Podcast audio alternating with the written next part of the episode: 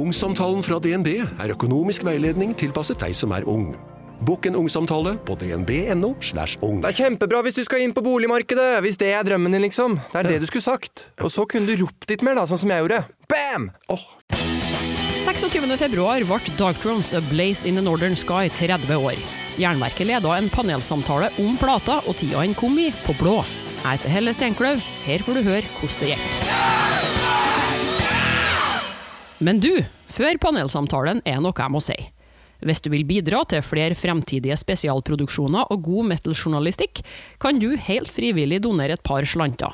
Enten via patrion.com jernverket, eller via VIPS nummer 567438. Informasjon og lenkene står i episodebeskrivelser. Tusen takk for alle bidragene som har kommet opp igjennom. Jeg er takknemlig for hver eneste kron.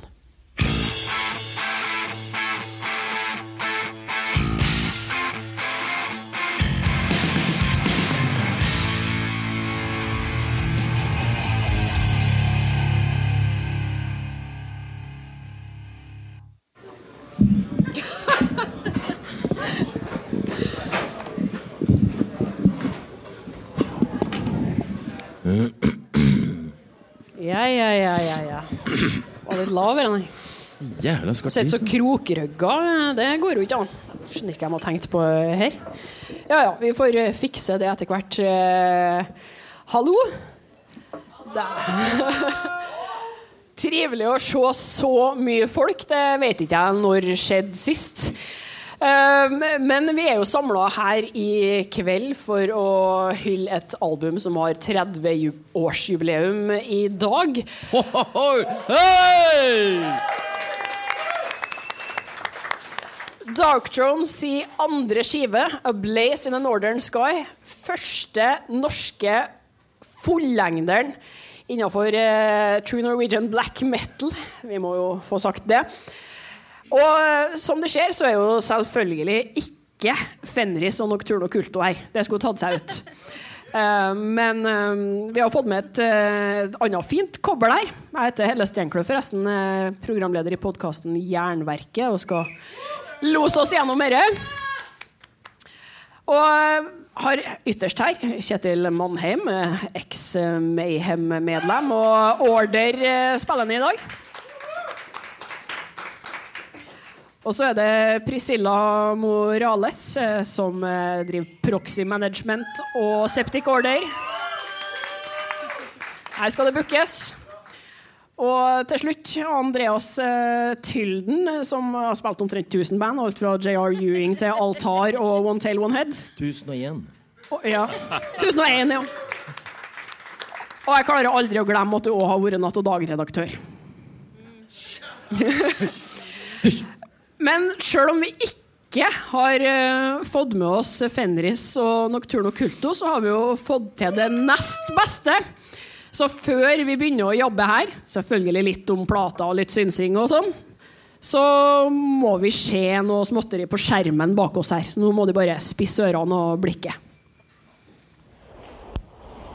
Hei, hei, alle dere på blå.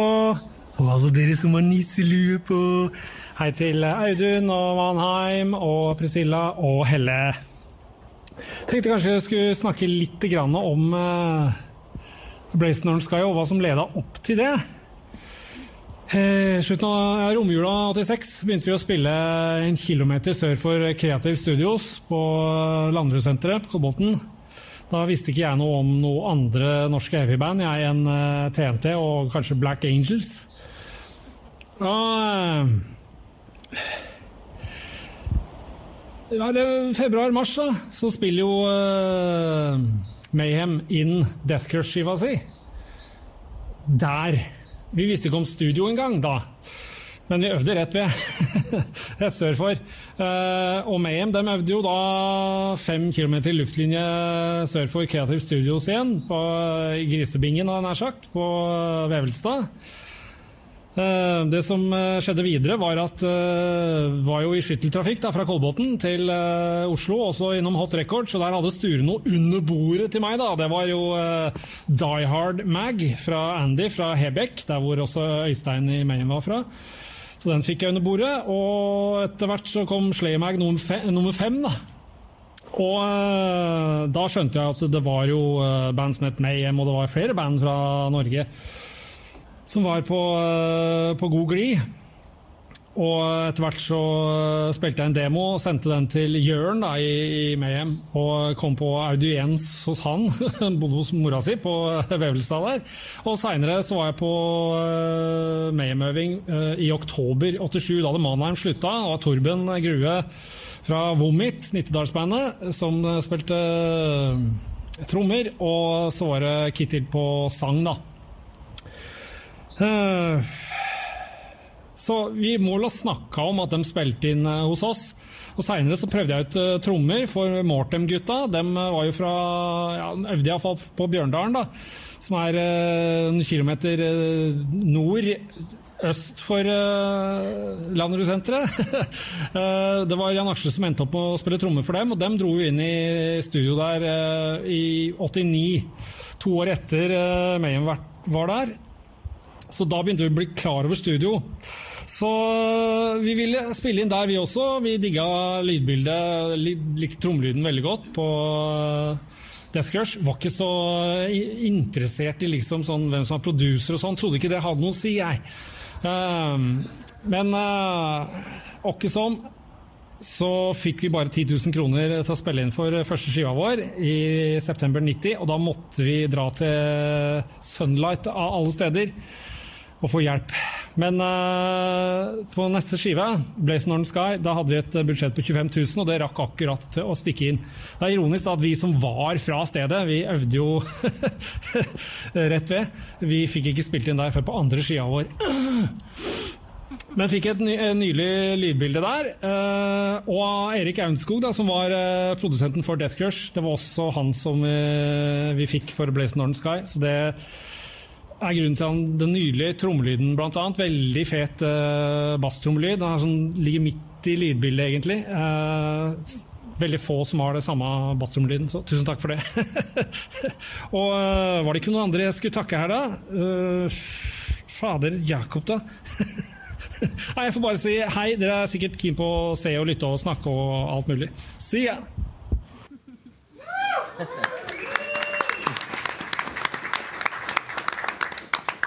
En liten hilsen fra Fenris der. Og da passer det jo vel egentlig Å, det er bra! Nå er vi i gang igjen her. Nå er festen klar. Det passer jo bra da å starte eh, med deg, Kjetil Manheim, som eh, faktisk var en del av Mayhem eh, på den tidlige tida her. Og bitte litt gamlere enn uh, Fenris her òg, så du var jo sikkert en fryktelig kul kis sånn rundt 87. Ja. Kan, kan du kort fortelle hvordan du havna inni hele miljøet der? Skulle spille sånn ekstrem musikk som dere? Ja, det var jo Altså Havne inn i miljøet Jeg vet ikke, Det var jo ikke noe miljø. Det var jo det som var greia. Så eh, det var jo egentlig bare Jørn og jeg som uh, fant at vi, eh, vi har gått på skolen sammen. Da. For de som ikke vet det, så, har vi, så gikk vi på barneskolen sammen. Vi satt på og delte pult.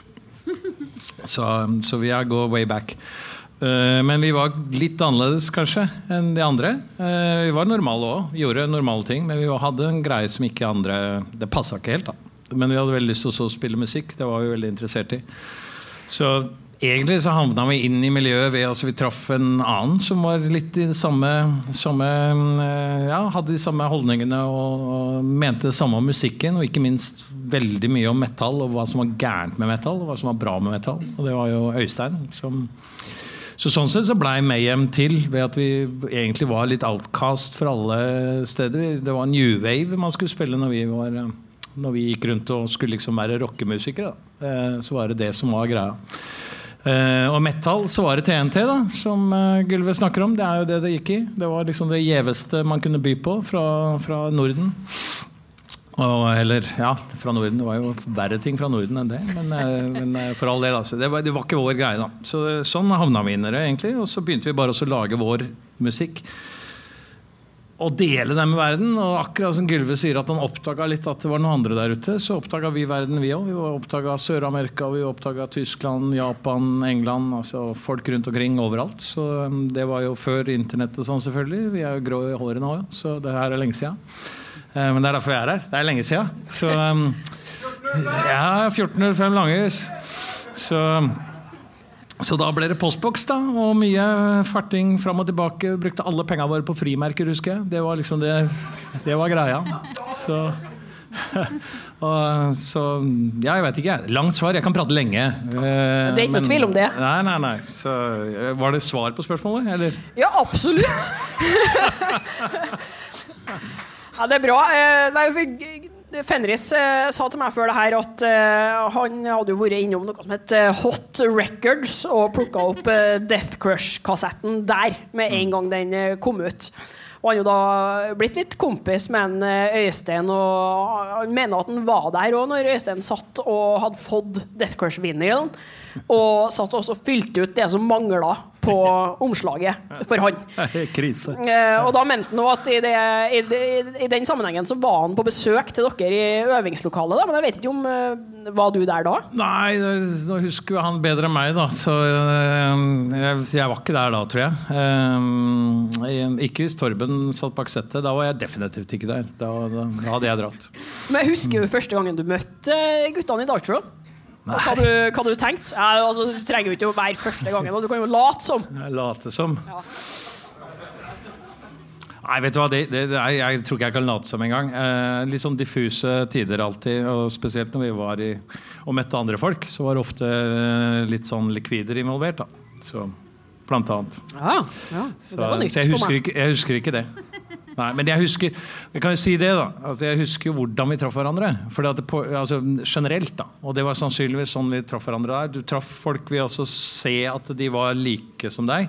Og de gikk jo med merker på jakkene. Og, ikke sant? Altså, du, du oppdaga folk og gikk bort og prata med folk. da Fordi at de, Det var jo som vi traff Billy, forresten. ikke sant? Ved at han hadde Venom på, på jakka si. Og så var det det at du besøkte hverandre på øvingslokaler. For det var ingen av oss som hadde ikke, Det var ingen som ville ha Det var ikke bare oss å spille konsert. Nå kan du gå her og fylle dette rommet og prate om en skive. Men dette her er jo lenge før dette her i det hele tatt skjer. Det som i dag er kjent som, som, som sortmetall. Så vår greie er på mange måter bare vår greie, og så er det blitt mye større. Jeg sa jo her før vi begynte, eller gikk opp på scenen at jeg, jeg var litt overraska, og er fremdeles litt overraska. Fordi at det var Vi trodde ikke at dette Vi trodde vi var outcast. Vi, vi trodde vi var helt på siden av alt annet, og vi likte å være der. da Vi skrøt til å være der også. Og så mente vi samtidig at det vi lagde, det var noe av det aller, aller, aller ypperste og beste, og det var best i hele verden. Så vi hadde veldig høy selvtillit, eh, og så eh, trodde vi at ingen likte det vi gjorde. Sannheten var vel at på den tida så var det ingen som likte det. Eh, men det var det beste, og nå er det litt det omvendte. At eh, alle sammen eh, digger det. Ja, vi har gått fra sånn folkefiende til folkemusikk. Ja. Ja. Og da kan vi jo spasere videre til neste person her. Priscilla, du var jo bare barn egentlig på det tidspunktet, her, du, men du klarte jo å snike deg inn eh, lell. Og det er jo litt interessant med tanke på at du var en eh, fjortis med katolsk eh, bakgrunn her. Hvordan i all verden kom du inn i irrgangene til black metalen og dark throne etter hvert? Um, det begynte vel altså Vi hørte jo på gammel trash og sånn på skolen. Sjuende og åttende så gikk jo i Metallica og de klassiske trashbanda. Um, og så var det et utested som het Lusalottas pub.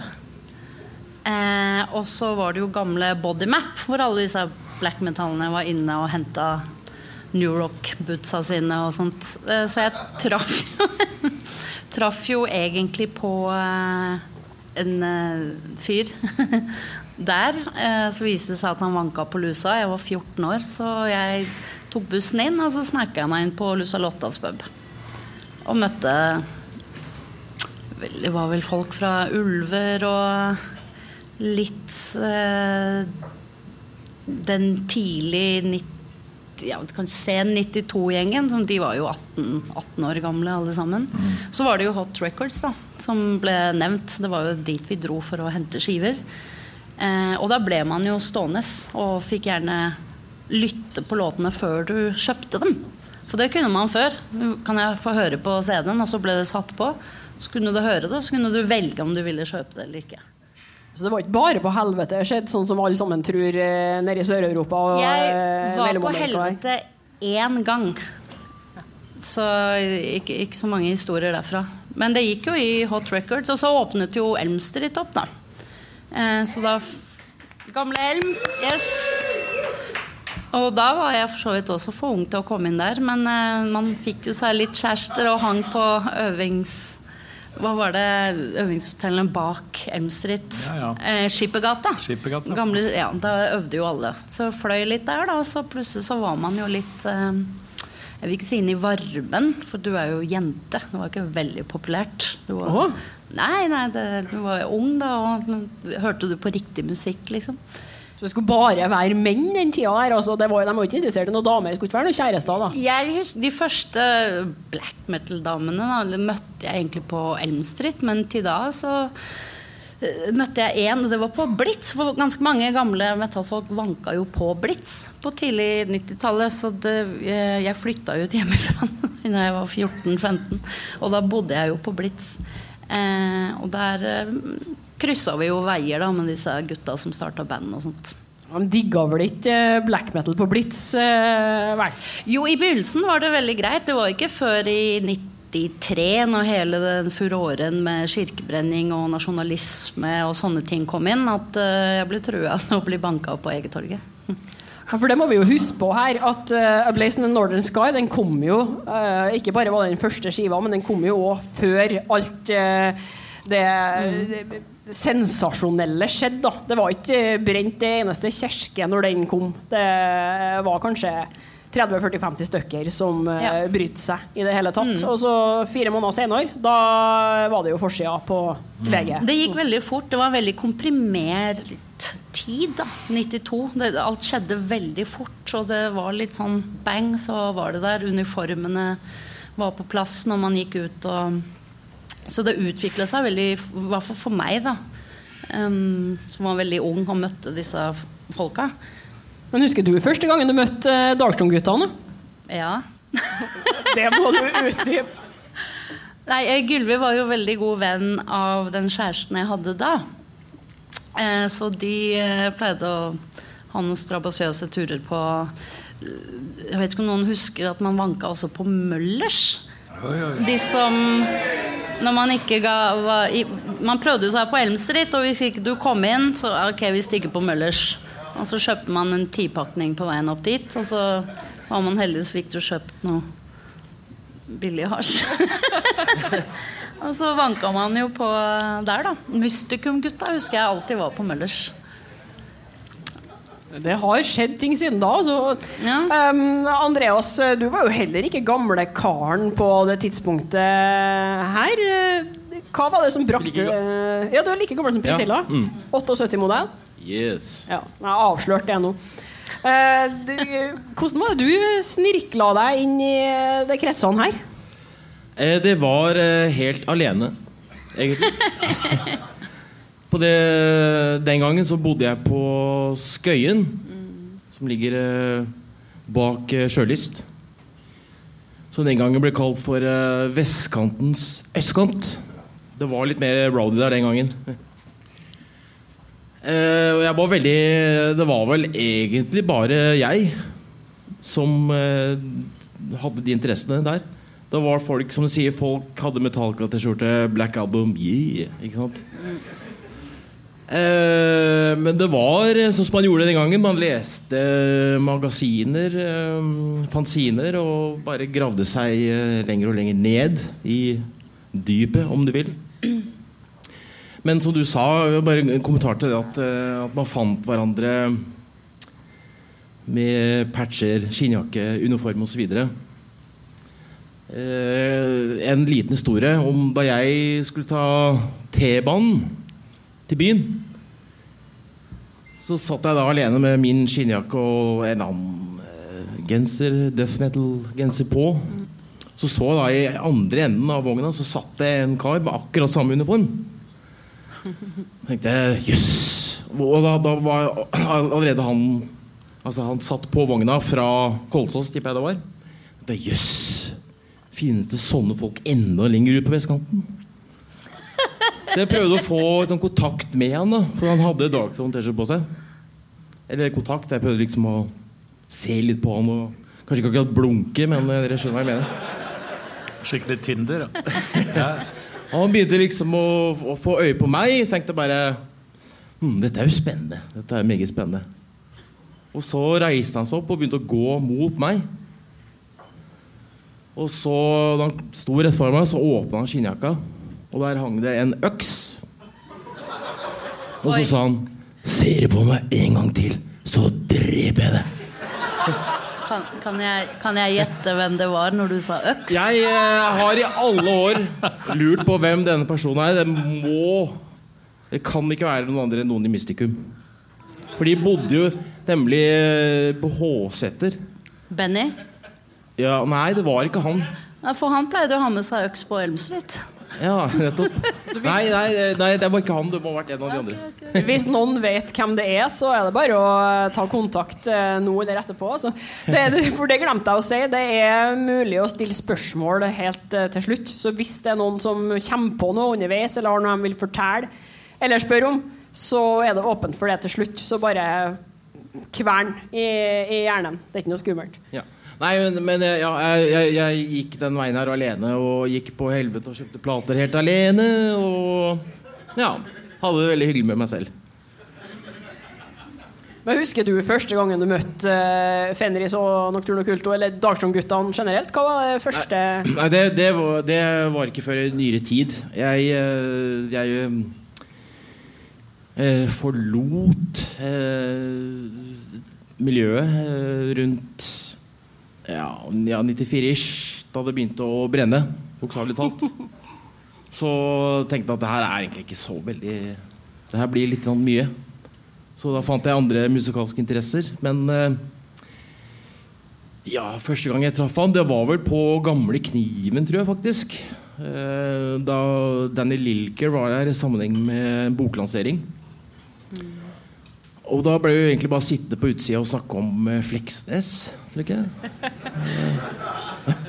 Fant en felles interesse der. Det er mye Fleksnes i gammel black metal, ikke det? I aller høyeste grad. Men da, altså, Men jeg, jeg kan også bare si det mitt, mitt første møte med, med Dagtron var eh, Som jeg nevnte, at man, man leste jo magasiner denne gangen. Den gangen eh, og jeg kjøpte et blad som het Thrash. Hvem som husker det? Ja, Det var et slags sånn, en un undermagasin som Metal Hammer ga ut. Og i marsnummeret 1992 så var det et intervju med Dagtron. Da tenkte jeg altså jøss, det finnes jo slike band i Norge. Men jeg bet uh, merke til uh, to ting i det intervjuet. Og det var at Gylve han, Det var et langt avsnitt om at han jobba uh, i Posten. Det syntes det var veldig merkelig. Jeg tenkte at når du spiller i band, så er du jo blitt berømt og drar på turné og tjener masse penger. Nei da, han jobba på Posten. Og det andre var at han hadde allerede da mappa ut de tre neste skivene. Altså Titlene sto jo i, i artikkelen. Så jeg tenkte her er det noen som har en strategi. Kjøpte du Proft, eh, jævlig proft skiva etter det? da? Blazing on Ja, Northern ja, Sky? jeg kjøpte denne. Hva syntes du da når du satte den på? Altså, hadde du en forventning om at det skulle være death metal? For det var det jo sikkert mange som hadde siden Soulside Journey var det. Ja, den, jeg hadde ikke hørt Soulside, Soul, Soulside, men jeg var jo jævlig eh, inne i death metal. Noen husker kanskje gullåret 1992 på Alaska, eller? En Hva? som sa ja. Jeg satt jo hjemme hos deg i sjokkerende 92 og hørte på death metal. Ja, det var et stort, eh, stort år i Oslo for eh, death metal, og der var jo flere prominente skikkelser, inkludert uh, Gylve, som dukka opp der og sto eh, bakerst med armene kors og syntes at eh, death metal var bare tull. Men likevel så var det jo til stede. Det var mye armene i kors eh, den gangen. Eh, Priscilla, du har sagt at du syns at det var eh, litt sånn eh, pompøs eh, tid, egentlig. Ting skulle være fryktelig innafor en liten boks. Det utvikla seg til mer og mer eh, Når den litt mer melodiøse black metallen og sånn kom inn, så ble det plutselig veldig sånn eh, Folk skulle si de og dem og sånt. Blant annet. Folk skulle Jeg vet ikke, det ble litt sånn overdramatisk. Litt klovnete på en måte. Eh, det skal jo sies at jeg satt jo og hørte på death metal hjemme hos Andreas på tidlig 90-tallet. som man- Når når du bodde på Skøyen.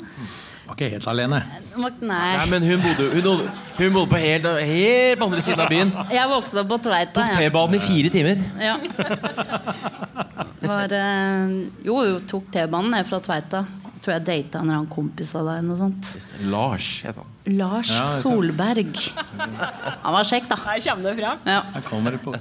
Men, det, men altså, til det med den ortodokse holdningen som lå rundt uh, sortmetallen, så tror jeg det det som skjer egentlig med hele den der fremveksten, som vi ikke har snakka så veldig mye om i, uh, i verken intervjuer eller dokumentarer da. Nå må vi gi litt ekstra siden vi er her i kveld. jo, uh, og Du snakker om musikalsk strategi, og den var jo der. Ikke sant? Det var en ambisjon rundt det. altså Når vi jobba med musikk, så handla jo det med fullt alvor om musikken. Det var sånn Det var ikke noe vi tok for, Vi spilte ikke musikk for oss å, å, å liksom bli rockestjerner. Vi spilte ikke musikk for å please noen. Vi, vi, for oss så hadde vi en struktur rundt det der greiene. At vi skulle forsøke å pushe grenser. Og da ble det litt mer alvorlig da enn om du bare lagde noen låter for å imponere noen på en eller annen konsert. Og jeg tror kanskje det var kimen da, til at dette ble litt sånn alvor. Så plutselig så Når andre kommer inn og skal prøve å definere noe du har brukt så jævlig mye tid på å definere, så kommer det liksom andre inn og begynner å besudle det, den, den rene. ikke sant? Så kan du enten bare omfavne det og så si at dette er dritbra, for nå kommer det masse kreative krefter inn som bygger noe. Eller så kan du gjøre det motsatte, sånn som f.eks. Øystein gjorde. Som var også bare gå helt i det motsatte og si at eh, jeg definerer hva som er riktig musikk. Ikke sant? Og alt annet er feil. Og Så kan man jo forsvare det litt. da For at, altså, Den skiva vi er for å feire litt i kveld, da, den Altså jeg, satt, jeg går ikke og hører på den hver dag, men jeg har hørt fryktelig mye på den skiva. Og da jeg satte den på nå eh, i går, tenkte jeg at jeg må jo høre Jeg må sette meg ned ordentlig. Må høre den skikkelig nå. Jeg ble glad. Jeg kjente jeg ble sånn Jo, men jeg kjente litt på den der feelingen. at det er et eller annet med noe sjel i den musikken. Da. Og kanskje jeg nå er den pompøse de nå, da. Men jeg mener at dette faktisk er dette er et resultat av at noen faktisk har jobba og lagt hele sjela si i greiene. Og at Gylvodi klarte å rive løs tre så bra skiver. Det er jo helt utrolig. Ikke? Jeg, jeg tror, eh, Sist gang jeg snakket spurte, nå er det du snakker med, Jeg kjenner jo ikke Gylve Vi er ikke omgangsvenner, da, bare så sagt det. Ikke sant? Men vi, vi har jo et slags sånn sjels... Vi, møter, vi har jo tusen grunner til å møtes, men vi møtes jo aldri. Jeg vet ikke, en eller sånn her magnetisk som motsatt. Men uansett, da. Jeg har jo, Sist gang jeg prata med det var på Elm. Så lenge siden jeg er det. Eh, og da ga jeg beskjed om Jeg mener å huske at den samtalen handla om at jeg mente at Dark Throne var det beste bandet som eksisterte da. Og det mener jeg fremdeles. Ja. På den tida de ga ut disse skivene, så var de, det var de som rula denne sjangeren. Så. Så man hadde litt grunn da, til å være litt sånn Litt stolt og, og slikt. Og være litt sånn protective. da, Litt beskyttende rundt greia si, egentlig. Men kan jeg komme tilbake til et Ikke misforstå meg med det når jeg kalte det pompøst, fordi dette Ja, nå skal vi krangle, vi skal ha litt temperatur. Jeg tror vi var ferdig med det under middagen, ja. Nei, altså dette var jo veldig eh, disse unge gutta som Mm. påtok seg litt av den pompøse greia, og det var jo veldig viktig med uniform, var jo veldig dyktige musikere, da. Mm. De var jo veldig ambisiøse til å være den alderen de var i. De, Ja, ja. Altså, de var jo 17-18-19 år. Ja, jeg, mener at, jeg mener at dette her Så det var det en måte for å hevde seg sjøl, Ja, ja, men jeg tror Skal vi snakke om liksom musikkhistorie, da, og det skal selvfølgelig musikkhistorikerne få lov til å gjøre, eh, men det går noen bølger, da, og disse bølgene blir på mange måter definert i ettertid. Og, og du, du skjønner ikke at du er en bølge når du er i den. Altså, det er helt umulig. Eh, men når man ser det i ettertid, så er det en ganske kreativ, intens greie. Og jeg tror det handler om nettopp det at man satt og var litt aleine. Man gikk på skolen og syntes kanskje dikt var kult. da synes, Jeg syntes dikt var kult, men alle rundt meg hata det. Og da skjønner du at Nei, ok, jeg er kanskje litt annerledes, da. Og så syns alle Kiss var det beste som fantes. Så jeg syns det var noe av det verste driten jeg noensinne hadde hørt. Og, ikke sant? Du, du er i en annen verden, da. Så, og så finner du da de menneskene som, som, som du har en eller annen form for connection med, og så blir dermed den kreative prosessen rundt det. da? Når Gylve nå snakker om disse tingene, så snakker jo egentlig om hvordan han finner alle andre rundt, og hvordan det inspirerer dem til å gå videre. Altså det studioet han snakker om forresten, De trodde at vi skulle spille reggae. Så de hadde gjort seg klart med, med sånn, De har skrudd alt for reggae. Er det derfor kom- lyden ble som i vårt? Nei, jeg vet ikke hvorfor han blei så Hvordan blei gikk med det det. seg til? Hvorfor fikk de den Nei, jeg vet ikke. De hadde fått det for seg at vi kom for å være et reggaeband. Men det var jo ikke Flokete, eh, langt hår eh, og eh, Ja, ja, ja. Og så kommer vi inn der, og så setter vi oss ned, og så skjønner ikke han en puck av hva vi holder på med, men han skrur og han styrer, og det er riktig, for han hadde peiling. Så det ble jo bra. Eh, så setter jeg meg ned i en pause og spiller på piano. ikke sant? Og så da hørte han noe han Det skjønte han av! Det måtte vi bruke. ikke sant? Så det var sånn, sånne tilfeldigheter da, som gjorde at alt bare bygde seg opp. Så det at uh, Fenris var skikkelig eh, glad for at han hadde fått samme produsenten som dere hadde på Death Crush, det var rett og slett en reggae-fyr, egentlig, som da miksa og Blazing the Northern Skies som om det var reggae? Nei, hva skal vi si Det, det er så, så langt skal jeg ikke gå. Men han trodde han skulle mikse reggae-band, og så fikk han noe helt annet. da For å si det sånn og, Men det, det syns jeg han takla ganske bra. Ja. Det, det her er sånn natt og dag-aktig greie. Ferdig med natt og dag, da. Ja, Anmeldte dere skiva? uh, nei, jeg vet ikke. Jeg husker ikke. Eh, men det du sa om, eh, om eh, bølge eh, en, en veldig interessant ting med den plata her, at eh, den er jo en en motreaksjon til noe. Samme som punken var til uh, prog. Progrock. Eh, jeg hørte også på uh, plata her om dagen. Og det slo meg at uh, det er jo jævlig mye punkrock i den plata der. De ville absolutt ikke innrømme det den gangen. De, de har jo kanskje letta litt på det nå. Men eh, uh, i likhet med punken så var jo den plata her en motreaksjon til igjen death metal. Som hadde blitt svulstig, for å si det pent. Eh, death metal ble, hadde jo blitt prog-rock, faktisk. Og det var eh, joggesko, og det var eh, bermudashorts, og det var hyggelig. Meget hyggelig.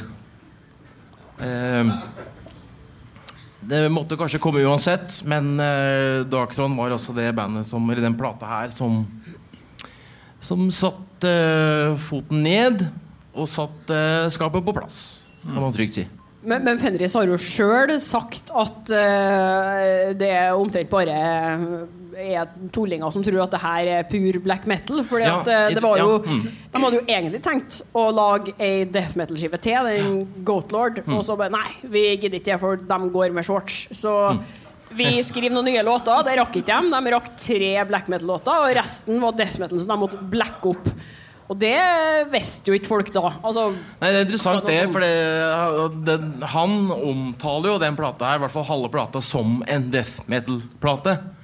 Det er jo kanskje litt uh, ubegripelig, egentlig, når man hører på den plata, i og med at det her, den plata der, er jo selve blueprintet av uh, black metal. Men, Altså, men, det, men, men Death Crush. Nei, men du må tenke på det i, i kontekst av den som lager det. For den som lager det, har det i huet. Ikke sant? Og opplever at det er det man forsøker. Men den som lytter og mottar, sier at dette er blitt noe annet. Ikke sant? Dette har liksom dratt det noe sted. Så jeg, jeg tror litt på det. Altså har den en tendens da, til å liksom alminneliggjøre det de holder på med litt. Eh, Det er liksom stilen. Dette med, med bløtkake og kneip, hvis noen husker det sitatet. Og det er jævlig bra sitat, for det er jo litt riktig. Det, det, setter egentlig et bilde på, på hva vi satte høyest pris på. Det var jo det som det skulle være det skulle være grovkorna, det skulle være ekte, det skulle være rått. Og hvis du kom ut med en sånn glansa med sånne der sagatrommer, da, da kunne du Det kunne Ja. Da blir du ikke invitert på fest. Ikke sant? Så, så greiene handler jo om at, eh, at vi, vi liker jo det enkle. Og hvis du hører på den siste skiva, som dere akkurat har hørt på, de har gått litt tilbake igjen til det. Ikke sant? Det er ganske grovkorna, og det gjør det bra. Da, ikke sant? Det er på mange måter varemerket til denne blueprinten, kanskje. da Mens det som kom seinere Jeg skal ikke disse det som kom seinere, men det var noe annet. For det ble veldig det ble litt sånn pompøst i musikken òg. Eh, melodiøst og nærma seg kanskje mer enn det som var den mainstream metal. Da. Men er, det er vel synt i Soulside Journey, er det ikke det? Oh, ja. Og noe, Synt det, det er er litt, fint. sånn, Ja, men litt er jo det melodisk. lov, det ikke er- Nei, jeg tenker på det at uh, black metallen etter Funeral Moon 93 så kom jo jeg nevner igjen ulver som hadde mer Ah, ja. melodiøs vokal og sånn. Det, det fantes jo egentlig litt allerede, den melodiøse delen. Ja, hva tenkte du når du hørte uh, her, her? da? Priscilla, digga du det med en gang? og- Nei, jeg elska det. Jeg kjøpte alle T-skjorter. Og jeg dro til Chile. Jeg må bare um, I 94 så dro jeg til Chile og hadde en Under Funeral Moon-T-skjorte. Og jeg gikk Og dette sier jo litt om hvor fort det her spredde seg da før Internett, Spotify, når det var bare postpenger. Eh, og jeg ble jo stoppet og spurt hvor har du fått tak i den T-skjorta der. Nei, jeg kjøpte den i Norge. Nei, Norge, liksom. Skal du liksom skryte på deg at du kjenner metallfolk i Norge? Ja. Og da, det var jo maks kred, da. Og det, og det her var i 93-94, så så fort spredde det seg, da. Eh, så den derre fra death metal satt og hørte på ikke sant, autopsy og alt det her, til å plutselig få den derre grimme, organiske less is more-greia. Det tok jo veldig fort over, på en måte. Var, folk var litt ferdig med Florida-trashen, føler jeg. ganske Det var Headbangers Ball som fortsatte vel De spilte vel aldri noe black metal, tror jeg, på Headbangers Ball? Gjorde de det? Det kom ikke før uh, Cradle of Filth uh, og det røret der kom Og på banen. ødela alt. Ødela alt, det. Huff, Ødela drittband! Da kom jo musikkvideoene òg, da, så det hjalp vel på. Hvem? Skid Row? Ja, nei, jeg tenkte på black metal. eh. Emperor ble, Emperor ble vist på MTV, faktisk. Du hadde Men det var noen år Immortal kanskje en eller annen video litt senere ut Den på 90-tallet der, tror Call of the Winter Moon Ja. er jo legendarisk. Ja. Men det var nok litt for fine art til Headbangers Ball den gangen. Og uh, Vanessa Warwick hadde ikke så mange kontakter, altså. Men det gikk jo fryktelig fort, da. Det, altså, hvor mye Det er jo nesten et dumt spørsmål, men det, det er jo sånn Jeg var på NRK for et par dager, siden for å snakke om plate her. Og så må man understreke det at det var jo ingen som hadde hørt om black metal eh, når A Blaze in the Northern Sky kom, bortsett fra den lille gjengen som hang på Helvete og Hot Records og noen få brevskrivere rundt omkring i verden. Men etter et halvår så var det jo plutselig på forsidene overalt. Hvor mye tror du det har hatt å si for utviklinga av sjangeren, og at det gikk så fort som det gikk? For at det, det var jo bare en par år, og så var det plutselig Photoshop bar overkropp flamme-cover i stand for det svart-hvite, som da faktisk er utrolig nok veldig spesielt. For det var, det, det var ikke skiva som så sånn ut før det. Jeg tror Vikernes eh, klarte jo å sette veldig mye fo mediefokus på det her, da. Ja, tror dere det drog i gang det at det gikk så fort som det gikk? Og at uh, Han var jo på forsida? Var det Kerrang eller noe sånt? Nå, Jo, jo, men, ja, Men Kerrang, hva skal vi si om dem, da? Altså, Ja, altså Uavhengig om det er en fet Ja, eh, blekk eller ikke. Men, men nei, nei, men altså, de skrev jo De var jo, de var jo kjendis og skrev veldig lett eh, lette artikler, syns jeg, da. Uh, men, men, jeg, men, men, men, men greia er at jeg tror nemlig jeg, synes, jeg tror svaret på spørsmålet ditt er at jeg tror ikke det hadde så stor betydning for musikken. Altså utvikling av banda og sånn.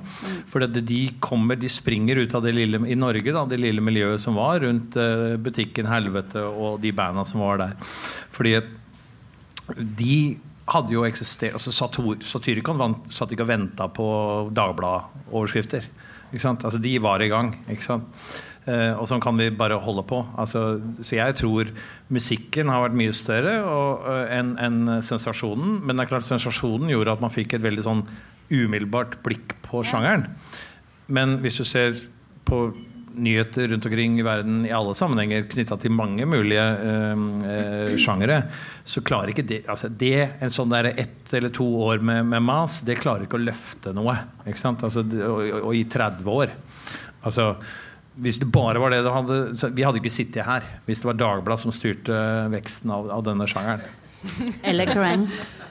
Nei, det er vel fort uh, litt blackpackere og Fenris som sexsymbol som uh, trekker folket hit. Uh, Han har veldig mye kvinnelige fans. Jeg tror kanskje han er den i, fra Sortemetallen som har flest kvinnelige fans verden over. Vi, sn snakka om dette før vi gikk opp på scenen. At jeg, jeg har en sånn teori om at Fenris er, er den mannlige Jinx Dawson. Folk ser på det som det. At han aldri eldes. Så jeg jeg vet ikke, jeg. Hva tror du om det, Andreas? Evig unge Gylve? Ja. Nei, eh, hva skal man si til det? Katarisk Han holder seg jo ung, da. eh, Spesielt ung til sinns, kan man si. Ja, ja. Man trenger ikke liksminke for å se ung ut. Men det er litt det, det, det estetiske og ja, Unnskyld, bare, det- bare snakk du, Priscilla. På noe Ja, fortell. Um, ehm, eh, på den tiden eh, Igjen Skippergata øvingslokale. Jeg gikk opp, eh, åpne døra inn til Ulver, og da sitter alle med ett stearinlys. Eh, og hadde med pose med pils og sånn. Og så tror Karl Mikael Eide at jeg er Gylve. Og det sier jo litt om hvor bleik og blå rundt øya da jeg var på den tida, liksom. Og, og fett, langt, sort hår. Så takk for sexsymbolkomplimenten. Eh, Jo, bare hyggelig. Jeg, jeg syns jo at det er litt morsomt at alt det her som da var dritseriøst, type ett stearinlys eh, Det Ja. å eh, vise hornsa til en fyr som hadde samme T-skjorte som deg, svarte klær Alt det er blitt flaut i dag. Når begynte det skiftet å komme, at man liksom ikke lenger kunne bare si «Øh, kompis, øh, for dem som lytter på det her senere, viser ja, eh, tegnet. Når skjedde det? Når slutta det liksom å være kult å være den sorte sirkel? Det var jo ikke noe mer enn et par år senere, eh, egentlig. Hvor det ble, det ble nesten noe opprør eh, innad i opprøret. Eh, jeg husker veldig godt eh, da det begynte å stå om dette her eh, på forsidene. Eh, så husker jeg at det var en artikkel med et bilde fra et ønskekall med et eh, naziflagg. Og da husker jeg det sto i den teksten her at eh, det, er det er ut, det er skikkelig teit å være satanist. Nei, vi er, ikke, vi er satanis- satanister og nazister. Vi hater alle. Så allerede den gangen så var det var allerede blitt ut. Altså, det var ikke så lenge det var greit med svart-hvite cover og liksminke sånn egentlig. da De som fortsatte med det etter 94, var litt passé, egentlig. Nei, Jeg vet ikke helt. eh, altså, Det nazigreiene var jo en kjip greie. De, det, det bandet som prøver å ikke Prøver å, å, å, å senke det bildet. Prøver å ikke få det opp i eh, dagens lys. Det var en periode hvor det var litt sånn der, eh, forvirring, tror jeg. Hvor man prøvde å være mest mulig ekstrem. Mest mulig ekstreme. Og det, og det mest mulig ekstreme, det er vel det det går på. Så er det spørsmålet hva er det som er mest mulig ekstrem. Da jeg og Øystein hadde timevis med diskusjoner om hva som var mest mulig ekstrem. Han, altså, han mente jo at det var riktig å, være kommunist fordi, ikke fordi at det var viktig å dele uh, med alle.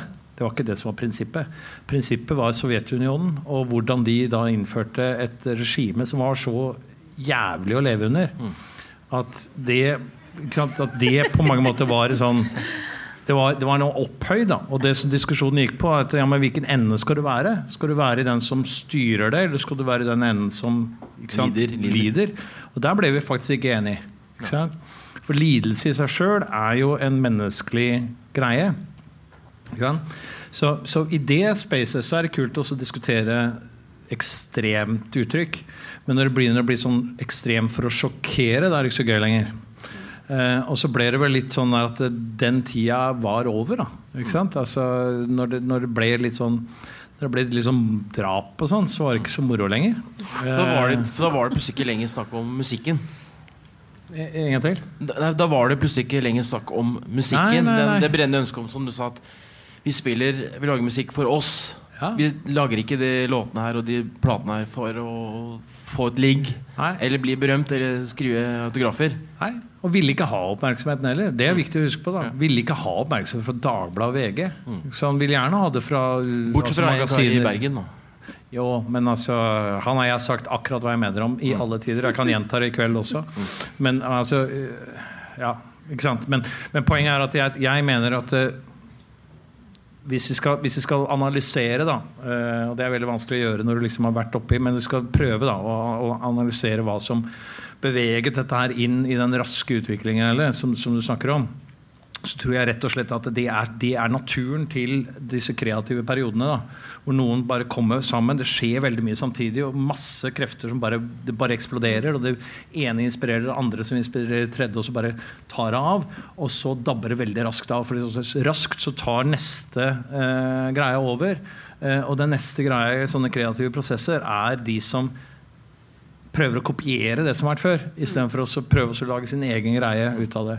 Og Det er ikke sikkert at det er dårlig, det er bare det at det er ikke like spennende. Da. Det er liksom ikke det, og dermed så, så utvikler dette her seg til å bli noe annet enn grisebingen. Da, ikke sant? For det var en grisebinge vi øvde i. Men eh, altså, nå, skal det liksom, nå er det mer alvor, nå er labels inne, nå er det kontrakter. Og jeg har hatt noen diskusjoner med plateselskaper på 90-tallet som, eh, som eh, hadde det vært Hadde vi hatt YouTube, altså. Det, eh, ikke sant? Hele greiene handler om at det, dette går fra å være noe det var, til at det ikke lenger er der.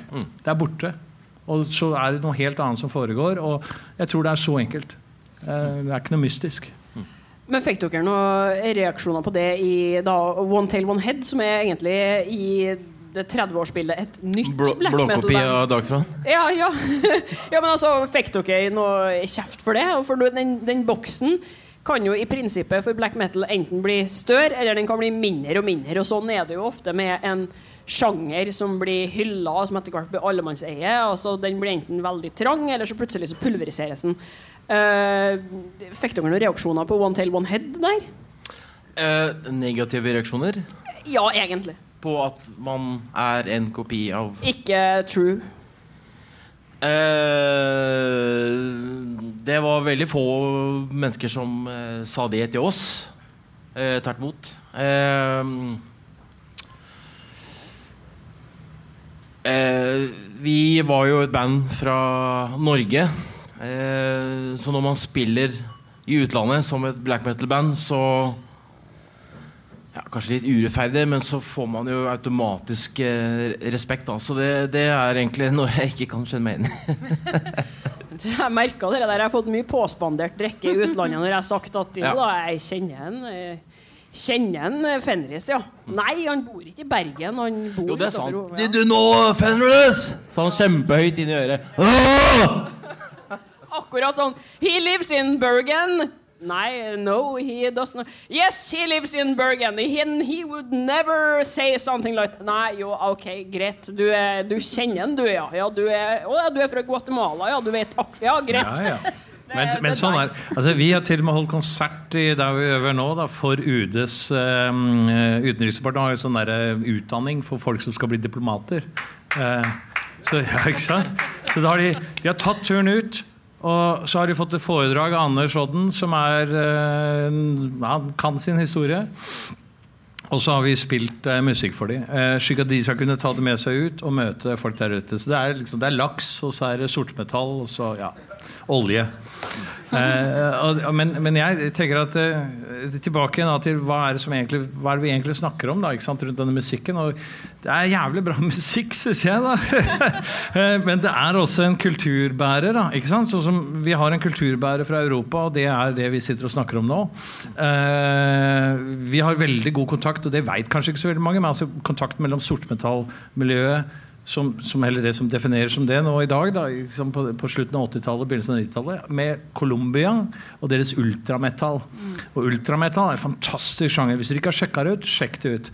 Eh, og disse gikk parallelt, og vi utveksla musikk. Og så, så dette er ikke noe som bare skjer på Langhus Kolbotn, som kanskje prøvde å bli gitt inntrykk av. Det var litt større. Han snakker gjerne ting litt ned, da. Men, men ja, dette her var, er ganske kule greier, og jeg synes den denne respekten, den, den får man jo, og det er riktig. Eh, men det er jo fordi at folk har altså kjenner til det. ikke sant? Altså de, de har et forhold til det globalt. da.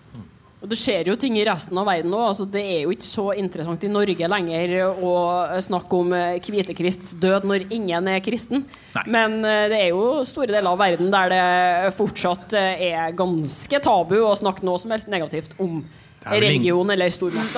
Det er vel ingen kristne her? jeg syns jeg lukter noe Der var det. Men eh, kan jeg bare nevne en ting jeg kom på når både Andreas og du nevnte dette med hva som var true og ikke, og denne her um, hva skal jeg si, idealismen og, og filosofien om nasjonalismen og der kom inn. Jeg tror veldig mye av det var litt sånn identitetskrise. Jeg tror ganske mange av disse gutta egentlig ikke mente noe av det her.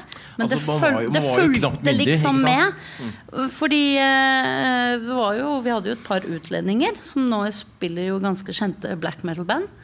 Eh, som på en måte Det ble liksom nevnt at du er jo ikke norsk. Hvordan kan du lage ordentlig black metal? Og det, og det kom jo opp. Ikke, ikke veldig sånn aggressivt, men det var jo plutselig liksom en issue, da. Og det er folk i dag som absolutt ikke står for de eh, tankegangen i det hele tatt. Så det, så det ble en litt sånn påtatt identitet, tror jeg. Og, og i og med at folk var så unge, så tror jeg at man egentlig liksom bare var litt sånn go with the flow. Eh, og denne knytninga til eh, nazismen eh, Vi hadde jo en felles venn eh, som var jo veldig knytta til den driten der. Som jobbet på Bodymap.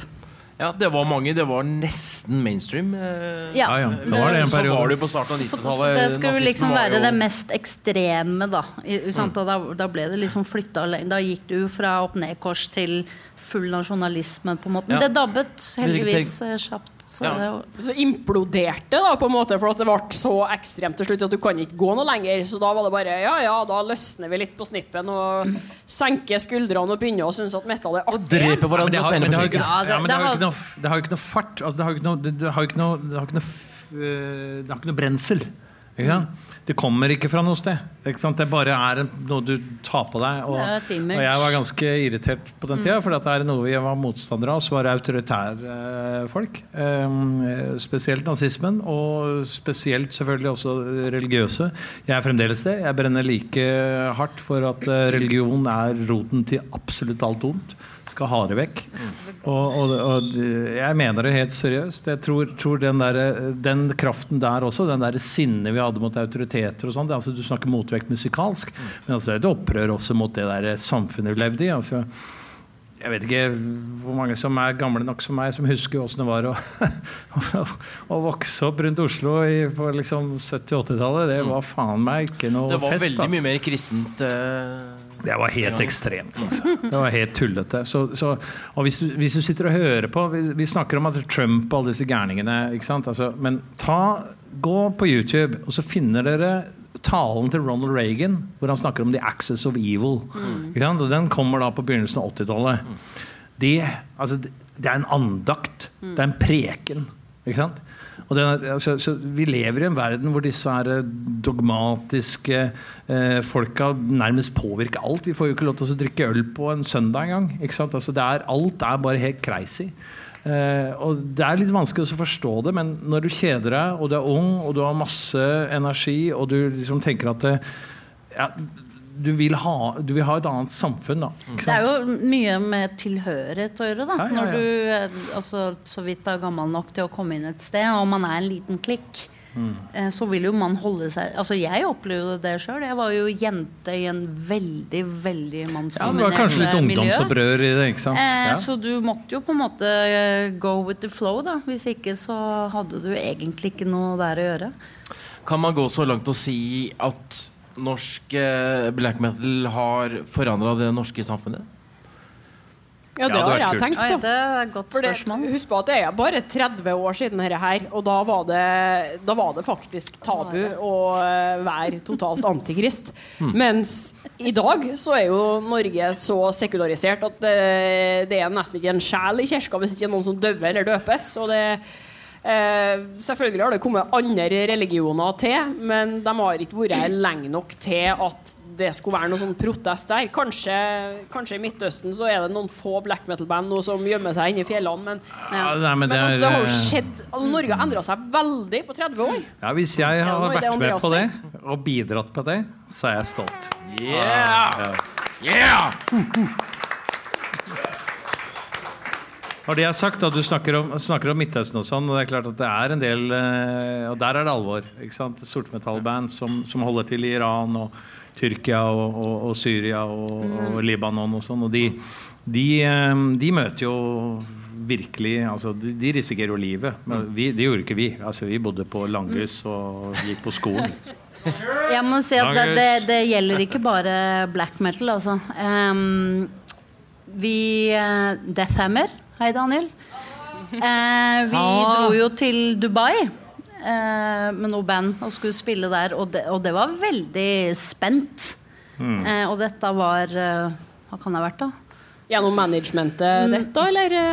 Eh? Jeg kan anbefale en eh, dokumentar. Nå husker jeg ikke navnet på den, men det kan jeg sikkert formidle via Jernverket. eller sånt nå. Det er, eh, det er en dokumentar som er laget om um, sortmetallband i Bangladesh, eh, India og Nepal. Den er sinnssykt bra, og den setter lys på altså, det de sitter og snakker om. da Det var altså, Med langt større alvor da enn det, enn det vi eh, i liksom, sosialdemokratiske Norge opplevde på 80-tallet. Men det de snakker om, da den er dette utenforskapet og dette fellesskapet de hadde sammen, det er en veldig bra dokumentar. Og det er sånn som de har det nå. Eh, og, det er, eh, og det er for øvrig veldig mye bra musikken nå. Så gå ut av Norge og så leit. Altså. Det er fryktelig mye kule band der ute.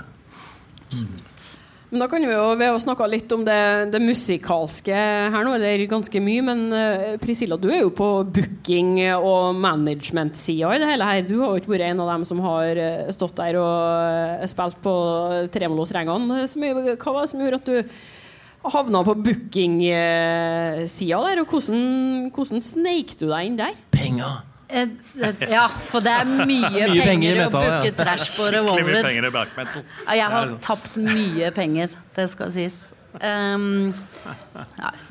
Nei, det er ikke noe penger i Nei, black det, metal. noe. Nei. Nei, eh, du, vet du hva? Eh, det var rett og slett fordi at jeg var drittlei av å bli kalt en groupie. Så jeg tenkte at da fikser jeg det sjøl. Eh, og det var faktisk etter en Motorhead-konsert. Um, dette er mange mange år siden. Uh, jeg var veldig god venn med han crew-manageren, og vi skulle treffes. Og så sier han neimen kom bak hit, bla, bla, bla. Vi skulle på rock-in. Jeg hadde ordna et pott. Sånne ting. Sto og venta. Og så kommer det en fyr og sier nei, alle groupiesene må gå. Så jeg sitter pent. Nei, jeg venter på Roger, liksom. Ja. Mm. Get the fuck out of here. Og så tenkte jeg fy faen, det her gidder jeg ikke, ass. Skal jeg booke mine egne band? Og så gjorde jeg det. det var, så enkelt var det. Yeah! Priscilla her har altså bana vei for at jeg kan sitte her i dag uten å bli kasta tomat på. Det er det Du er veldig dyktig til det du gjør, Heller. Ja, men eh, altså, Jeg sjøl var jo Når Blazing the Northern Sky kom ut, så var jo jeg sju år. Eh, så jeg hørte jo ikke den skiva da. Eh, mm. Men jeg husker godt forsidene når kirkene begynte å brenne. Det, det gjør jeg. Og første Darktron-skiva jeg hørte, var jo Hate Them. Jeg syns den, den var dårlig. Syns jeg. Da. Mulig jeg syns den var bra nå, men jeg har ikke klart å høre på den igjen etter det. Men det er jo sånn, altså, avhengig av når du er født, er hvordan dette her går inn på deg. og ser jo at I salen her er det jo brokatt forsamling. Det er folk som er født eh, etter eh, Blaze kom ut, og folk som er født lenge før.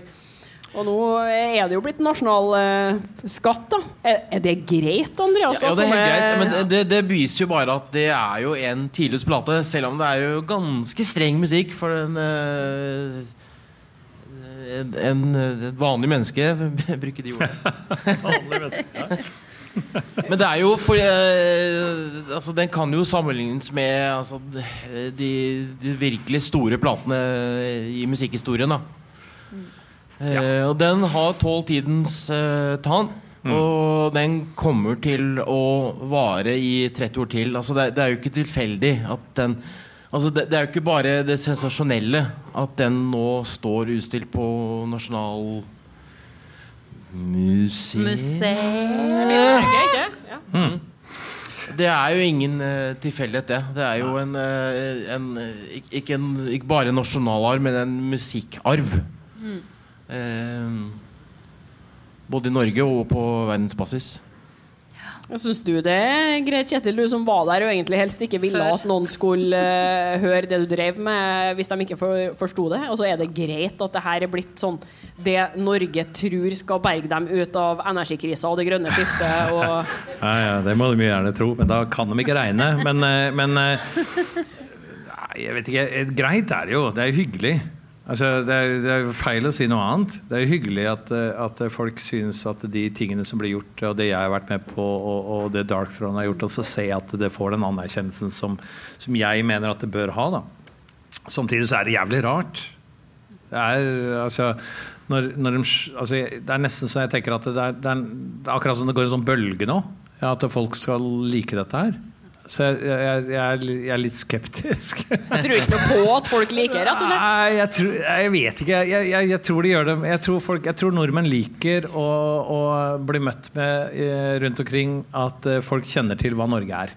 Jeg tror folk liker å, å, å snakke om, om eh, sitt land og alt det greiene. Jeg tror folk har vent seg til. Ikke sant? Men la oss ikke glemme da, at Mayhem spilte ingen konserter nesten når jeg spilte i Mayhem, fordi at vi fikk ikke, det fikk ikke booking. Altså, og, og hvis vi fikk booking, så ble det trusler om å, å trekke tilbake støtte. Til? For da, da fikk de altså ikke lov til å, å altså, Da fikk de straff altså, fra, fra kommunen som støtta ting. Vi, vi, hadde, vi hadde en sånn krig Det er, høres veldig rart ut og banalt. Vi hadde en krig med kommunen med denne grisebingen som vi fikk lov til å gjøre om til et øvelseslokale. Hvor de skifta låsen fordi at de ville at den skulle tilhøre fritidsklubben. Mens vi skifta den tilbake igjen til vår. Og til slutt så ga vi opp, og så bare ødelagde vi hele øvingslokalet. Så vi- ødela det sjøl. Ja. Ja, spørsmål? Mener du da på Vevelst. Ja, ja. Ja, ja. Lavesi. Ja, Jeg, ja. jeg må gjenta spørsmålet, her, for det kommer ikke med på mikrofonen. Om du mener på Langhus? Eh, Nei, jeg mener den, eh, den gården på Langhus, ja, på Vevelstad som eh, het Vevelstad gård, og som også var eh, øvingslokale til en del andre på den samme gården, og det var fritidsklubb, da. Så, mm, så, men altså, vi har møtte motstand overalt. Eh, og, og vi fikk beskjed om at uh, vi kasta bort talentet vårt. Ikke sant? At vi, vi fikk beskjed om at vi var eh, på litt Altså Én ting er at du sitter på et gjerde og henger og får beskjed om at du må flytte deg. Ikke sant? Det er du vant til som ungdom, og, og det er greit. Men at du hele tiden får beskjed om at du ikke er verdt noe, det, det, det styrker eh, Da, da begynner liksom da begynner liksom ramma å sitte. Eh, så, så når vi nå i ettertid, da, når folk ser bakover, og så er det liksom alle likte dette her, det er jo feil. Eh, men at folk nå opplever det som var at de ser det nå i ettertid, det syns jeg er hyggelig. Ikke sant? Og, og vi, det var jo luksusproblemer at folk ikke likte det vi holdt på med. Det er jo ikke noe viktig. Altså, det var ikke viktig for oss. Men det var liksom oss og alt det andre som foregikk. Ikke sant? Så, eh, men det skal jo sies da NRK var faktisk en av de første som spilte Mayhem eh, på radio. Så jeg tror det er kanskje den eneste som har spilt Mayhem på radio. Eh, og Nei, det jeg, gjorde jeg gjorde det på Nattønsket en gang. ja, du gjorde det. På Nattønske. Ja, jeg spilte rett før nyheter. For da var skrudd folk, kunne folk skru av. og Skulle Jeg trodde det igjen. bare var sånn der eh, Ja, nei, ok. Rolig favoritt. Det er best det var jeg som var programleder, så Ja, jeg meg nydelig. det. det er nydelig. Men, men, men poenget er at, at du var så på siden av alt. da Eh, og det, og nå, La oss hoppe til Dark Throne, som er tema. ikke sant? At Dark Throne skulle i dag bli sett på som en nasjonalskatt det, altså, Hadde noen sagt det til meg i, i 93, 94, 97, 2000 Nei. Det har jeg aldri tro på. Ja. Men, men jeg vet ikke Jeg mener Ulver-konsert ble sendt på bootleg på TV Norge. Ja, ja, men Der spilte jo Darkson også. Så det er en, en av de var, det, få var det nitt, sånn 93, kanskje? Eh, For da, da spilte de Ulver-konserten var 92-93. Ja. Men Darkthrone spilte tidligere. Det var noen som sa nei i publikum her. Er det noen som vet? 90 her, Ja, det er. Darkthrone, ja, ja, ja, Darkthrone. Ja. Men fantes bootleg? Ja, bootleg begynte kanskje i 89-90. Kan det TV Norge? 1990. Ja. TV Norge fantes ikke i 1990. Det ble jo ikke åpna for eh, fjernsyn før i 92. Nei, Det, det var noe som Scenen het bootleg TV, Ja. som gikk ganske seint. Dette syns jeg er morsomt. da. lokal-TV. Det var eh, For, Dette er veldig bra. ja, for Eh, monopolet til NRK slutta vel ikke før i 92, gjorde det ikke? TV 2 kom i 92. Nei, jeg husker ikke, jeg husker ikke helt det. Det gikk men, på TV, i hvert fall. men det, jeg syns dette er gøy, da, at vi sitter og diskuterer årstallet. For at, Ja, altså, men, men, jeg husker jo ikke det. men, men, men, men det er jo nettopp det at hvis vi går tilbake til den tida her, da, så, så, så er det det er så sjeldent da, at vi faktisk kan ha den diskusjonen. Var det det året, eller var det året? Det er liksom ikke, det foregår ikke. Det foregår et helt annet sted. Men, men det var jo en veldig komprimert tid, da, og derfor Ja, ja. kan man si nitt, mellom 90 og 94. Da, da skjedde jo alt. Mm. Eller i hvert fall 91 til 94, da.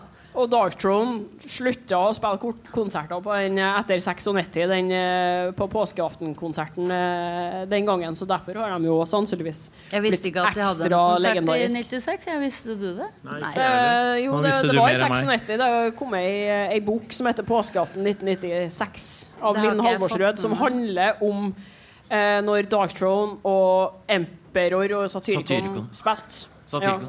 Ja. ja. Det var 96. Ja. Det var siste gangen, men de spilte vel bare tre låter, tror jeg. Og det blir, du blir jo ekstra legendarisk òg når du da slutter å spille i den overgangen når black metal begynte å bli allemannseie. sant? Mayhem spiller jo ræva av seg nå. Altså, Du er jo ikke med i Mayhem lenger, men altså, Mayhem tar imot alt de får. Her er det bare Oi, den Nei, var men litt May- Mayhem har et jævlig bra sett. i, i sammenlignet med Darkthrone. Ja, ja, ja. Ja, du, Ja, men vi Dark, skal sette du kan jo ikke her. sammenligne med Darkthrone når ikke de spiller i det Nei, men det hele er det som er poenget. da At ja. Mayhem de har tatt, de har spilt. Mens Darkthrone de, de slutta da. De gidda ikke noe mer. dem Så da blir ble det jo synd. ekstra legendarisk. da Ja, det er kanskje. Det blir i hvert fall en sjelden vare, da. Det hadde vært veldig moro hvis jeg hadde, hadde gått på scenen igjen. Jeg hadde i hvert fall Jeg- stilt opp. Ja. Jeg vet de fikk tilbud eh, en gang på én million kroner for å spille. Million fra Vakken, ja. Stemmer. Mm. Men, eh, men nå begynner vi Jeg vet at det er en slags plan her om at vi skal høre Blaze in the Northern Sky-skiva nå som vi har snakka litt om den, men mest om tidsbildet. Og, eh, tida går. Er det noen i salen som har noe spørsmål? Rekker Før det er noen spørsmål fra Ja, salen, så har jeg spørsmål til bartenderne. Yeah. Er det noen som kan gi meg en øl? Ja. ja. Det er jo fort 100 kroner. Er det noen spørsmål i salen der mens Andreas venter på å leske sin strupe? Ser ikke noe hender her. Nei, det er det. Og der er det han, ja! Du kan komme frem hvis du vil og tør å snakke i mikrofonen. Jeg tror det står en mikrofon midt frempå her, men jeg kan ikke se den. Ja, det står den der. Der, ja. ja.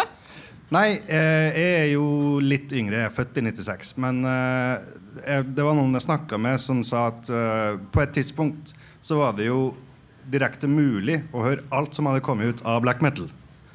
Så mitt spørsmål er når tror dere det liksom ble umulig?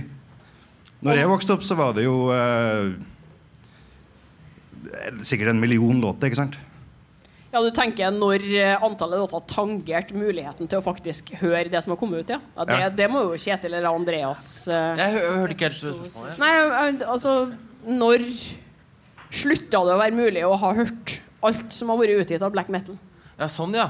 Uh, Men altså det, det, det, uh, altså, black metal er jo faktisk i bevegelse ennå. Eh, tro, tro, det, tro det eller ei, så Det er jo det som er problemet. Får ikke hørt alt nå. Ja, ja, ja eller heldigvis da, så er det, er det faktisk en viss bevegelse der i, i black metal. Men det er jo ikke å stikke under en uh, kiste. Veldig bra. kan jeg bare name-droppe At uh, den plata der, den, som jeg sa tidligere, den satte skapet på plass. Og 96,9% som har kommet et på er kopi av den der. Jeg tror året Men- 96 er et bra år for å si Ja, ja, det, altså, Ja, men altså, etter det så begynte det å komme mer og mer. Ja, eller altså et, Etter den or or ortodokse norske black metal så kommer jo da den eh, berømte røreperioden. Med, med sånn eh, Hva heter den stilen din, da? Den, eh, Det symfoniske. nei, den flosshatte oh, ja, ja, ja, Steam. Steampunk black Steampunk, Ja, ja. ja, riktig. Er ikke Arturus litt sånn egentlig Ja, ja, steampunk-sjangeren? og. Hei, Simen! Nei, men, altså, Men, men, eh, men det- med sånn, den, den tradisjonelle norske black metal Altså eh, Transylvania Hunger, da, kanskje. Mm. Så var det stopp. Jeg tror jeg er enig i det. Ja. Hvis, hvis, det hvis, er- du skal, hvis du skal liksom finne storhetstiden, da, og du skal høre alt det, så er det der. Men eh, det er ikke dermed sagt at det ikke er gitt ut bra skiver etterpå. Mm. Eh, for det er masse bra skiver etter det. Mm. Er det, tusen takk for spørsmålet. Veldig godt spørsmål. Er det noe flere ute i salen her? Jeg prøver å se. Ja? Er det noen som vil komme frem til mikrofonen her? Gjerne det. Ja. Hvorfor spiller ikke Darktron live? Fordi de er lyssky. Jeg tror, jeg, altså, For å svare på deres vegne De fikk vel ikke så veldig mye ut av det. Ingen av dem som syntes det var noe spesielt artig. Og hvis man leser den påskeaftenboka, så ser man vel at publikummet kanskje ikke helt reagerte akkurat som de ønska heller. Det er i hvert fall det de sier. Det er akkurat samme grunn til at uh, Gylve valgte å sende inn en, en video Ja. enn å være At den ikke skal sitte på Jeg tror, jeg tror vi skal ta Jeg en tror det er flere faktorer Det er ganske mange faktorer der, jo. her. Men, altså. men eh, jeg tror det er mange faktorer. Uh, Men det er klart at det spiller du Jeg har spilt konsert for fem mennesker. uh, Og det er klart at du skal like det du gjør da. eh? Når du, for det er det er fremdeles en litt sånn sær sjanger som, eh, som eh, for oss spesielt interesserte Jeg er veldig jeg er rørt nærmest av, av eh, fremmøtet i dag. Eh, Så, så det er det er ikke som å liksom eh, være på turné med russemusikk. Eh, Så det er, det er mye mas, det er mye slit, det er ikke så mye penger. Og så har det litt med personlighet å gjøre. Og, så Og kjipere buss. ja, så tenker jeg at det, er litt sånn Det er blitt et image, har det ikke det? Altså Det å ikke stille opp, det å ikke gjøre ting eh, Og så kan de jo leve av å selge skiver. Og hvorfor skal du da gidde å spise tørre burgere backstage eh, Du gir ut en skive hvert år, da. nå, nå Ja, de, jeg, men de gjør jo det. De lever jo på det. Altså, Priscilla, du har jo jobba med booking. Eh, Det er jo ikke så luksuriøst å sitte på en backstage og trykke i seg burger nummer 90. Absolutt ikke. Nei. Ja, ja, ja, ja. Men altså Jeg skal videreformidle det til en Fenris om Nocturno Culto. Jeg syns det, er jeg synes det er jævlig rått, og det står stor respekt uh, at de velger å ikke spille live. Det er så mange som uh, ja, Spilleglede er én ting, men at man da gjør dette år etter år etter år, Ja, og så det- blir det en jobb Mm. Eh, Ja, altså, det er jo Sikkert det at derfor det er så mye gamle band som lager skikkelig dårlige plater, tror ikke. For de bruker for mye tid på turné. Det er masse dårlige plater hele tiden. Men eh, det Andreas sier, at eh, det er jo ikke bare det at de velger å ikke gjøre det, det er å faktisk være konsekvent. Ja, men det er I så det, de mange år. å gjøre det. Og få sånn- kasta ja, en mil etter deg og bare fuck it, det er ikke det vi gjør. Mm. Det, det står det stor eh, Ja, ja, ja. respekt av. For jeg Jeg tipper at det Ja, ja, ja. Er kanskje oppe i 15-20-30 millioner i dag. Ja. Jo, ja. Og at de fortsatt velger å si nei til det, det står det meget store ja, Det skal de ha. Og det er, Jeg hadde betalt ned huslånet mitt jeg, og kledd av meg på overkroppen. Det er greit, det. Men vi er enige om det at hvis de skulle ombestemme seg, så De har står vi faktisk, Da skal vi ha har dem på revolver. Dagtron har faktisk sagt uh, nesten ja til å spille live. Og det var på til Dovre Faller-festivalen, hvis noen har vært her. Er det noen, har vi noen her? Ja. Ja, det er flere. Sæker. Uh, Gylve har sagt det. Han sa nesten ja til festivalsjef eh, Morten Tøring at uh, vi spiller. Og da sa han at skal vi spille live, så skal det være på en sånn ting. På en obskur heavy metal-festival eh, på Dovre foran 99 personer. Jeg tror Morten Tøring kommer til å våkne opp til full innboks i morgen, for å si det sånn. uh, er det noen flere spørsmål da? Ja, ja, kom frem til mikrofonen. Kan jeg stå her, eller? Ja, men da må jeg gjenta det. Så uh, alltid kjedelig. Ja, hei og hå. Hei. Jeg er født og oppvokst på Vevelstad. Og det er derfor jeg syns det er så kult at du aktivt altså, skiller mellom oss Langhus og Vevelstad. Og det sier hvor hos Langhus du egentlig er, da. Men eh, det jeg skulle spørre om jo Det blir jo også tydelig at vi har jo inspirert en hel også, verden. Det jeg egentlig lurer på, har også Darkthrone noen gang inspirert Mayhem? Ja, men det tror jeg de har. Altså, men men, men eh, da, nå har ikke jeg vært med oss å lage låter i Mayhem etter at disse skivene til Darkthrone kom ut. Så, men eh, jeg snakker jo jevnlig med, med, med Jørn, og det er klart at det, det som skjer, er jo den derre som vi snakka om tidligere, at man har med hverandre å gjøre, og man diskuterer, og man har sine prosjekter, og man heier på hverandre, og, og så blir det noe. Så akkurat den glansperioden som vi snakker her nå, så er det, så er det nok eh, Jeg tror jeg skal våge meg frampå på vegne av uh, Jørn og co. at eh, det er nok sant. Ja. Skål for det! Kan vel, eh, kan vel trygt si at eh, Øystein han begynte å skjelve i buksa da han hørte A Blazer in Northern Sky. Ja, ja, ja. Skal vi snakke litt om ting som vi ikke har snakket om før? Gjerne det. Ja, Altså. ja. Nei, men altså, Det er helt riktig. Altså, når, vi, når, når, det, når dette kom, så, så er det klart at det, det, er, det var en blanding av, Det var en sånn skrekkblandet fryd, tror jeg, hos, hos Øystein. For han ville gjerne at det skulle ha vært på hans prosjekt. Og så er det ikke det. Uh, og jeg tror nok at han var litt sånn desperat etter å holde den posisjonen. Og han blei til og med med og så hjalp til litt på den første Børsum-skiva. Så, så uh, jeg husker at han den tida der da, så snakka vi veldig mye rundt businessen. Og det høres kanskje litt rart ut, da, men businessen handla om helvete, og det handla om labelen. ikke sant? Og hvordan man skulle liksom skape et sånt eh, et kraftsenter da, for, for eh, denne type ekte musikk. Og så kommer det noe fra siden som definitivt er ekte. ikke sant? Altså, som ikke er liksom styrt og kontrollert. da. Men, men eh, jeg kan ikke huske at det var noen negativ diskusjon vi hadde rundt Er ikke plata dedikert til han? Jo, altså, jeg mener at det, dette mener er at det står det jo, jo. Står det i Jeg mener at det- over eh, Ja. Jeg, andre jeg, tror, jeg tror det. For at, Ja, ja. Altså, hadde ikke den plata blitt gitt ut på Peaceville, at de hadde gitt etter, så hadde den jo blitt gitt Ja, ut på har vi Death sagt. Bar Ja, ja, ja. Det er det jeg mener å huske at det var det vi diskuterte. Og at det, det var en litt sånn skrekkblandet fryd. Men, men Øystein ønsket å ha liksom kontroll på liksom denne bevegelsen. Og, og det var liksom hele hans prosjekt. Eh, og prøve å få det til. Og så hadde han et sånt annet side-image-prosjekt som ødela fryktelig mye, og som jeg tror også førte til hans død. da Som gikk eh, veldig bra. Eh, det gikk jo ikke så bra. Eh, så, men, men det som er greia, er vel at, at jeg tror Hvis vi skal spekulere, da Hvis, eh, hvis det ikke hadde skjedd det som skjedde, så tror jeg at eh, så tror jeg at vi hadde kanskje sett en lengre periode enn 96. Altså Hvis vi skal forholde oss til den konteksten vi har satt nå, da, den rammene vi har satt. Jeg tror vi hadde sett en litt lengre periode hvis ikke Øystein hadde blitt, eh, blitt drept. drept. Eh, og jeg tror kanskje også at vi, vi kanskje kunne sett en lengre periode av den kreative, litt sånn eh, skal vi si, den særegne da, utviklingen. Men det er ikke, godt at det, det er ikke sikkert det hadde gått den veien dere hadde håpa.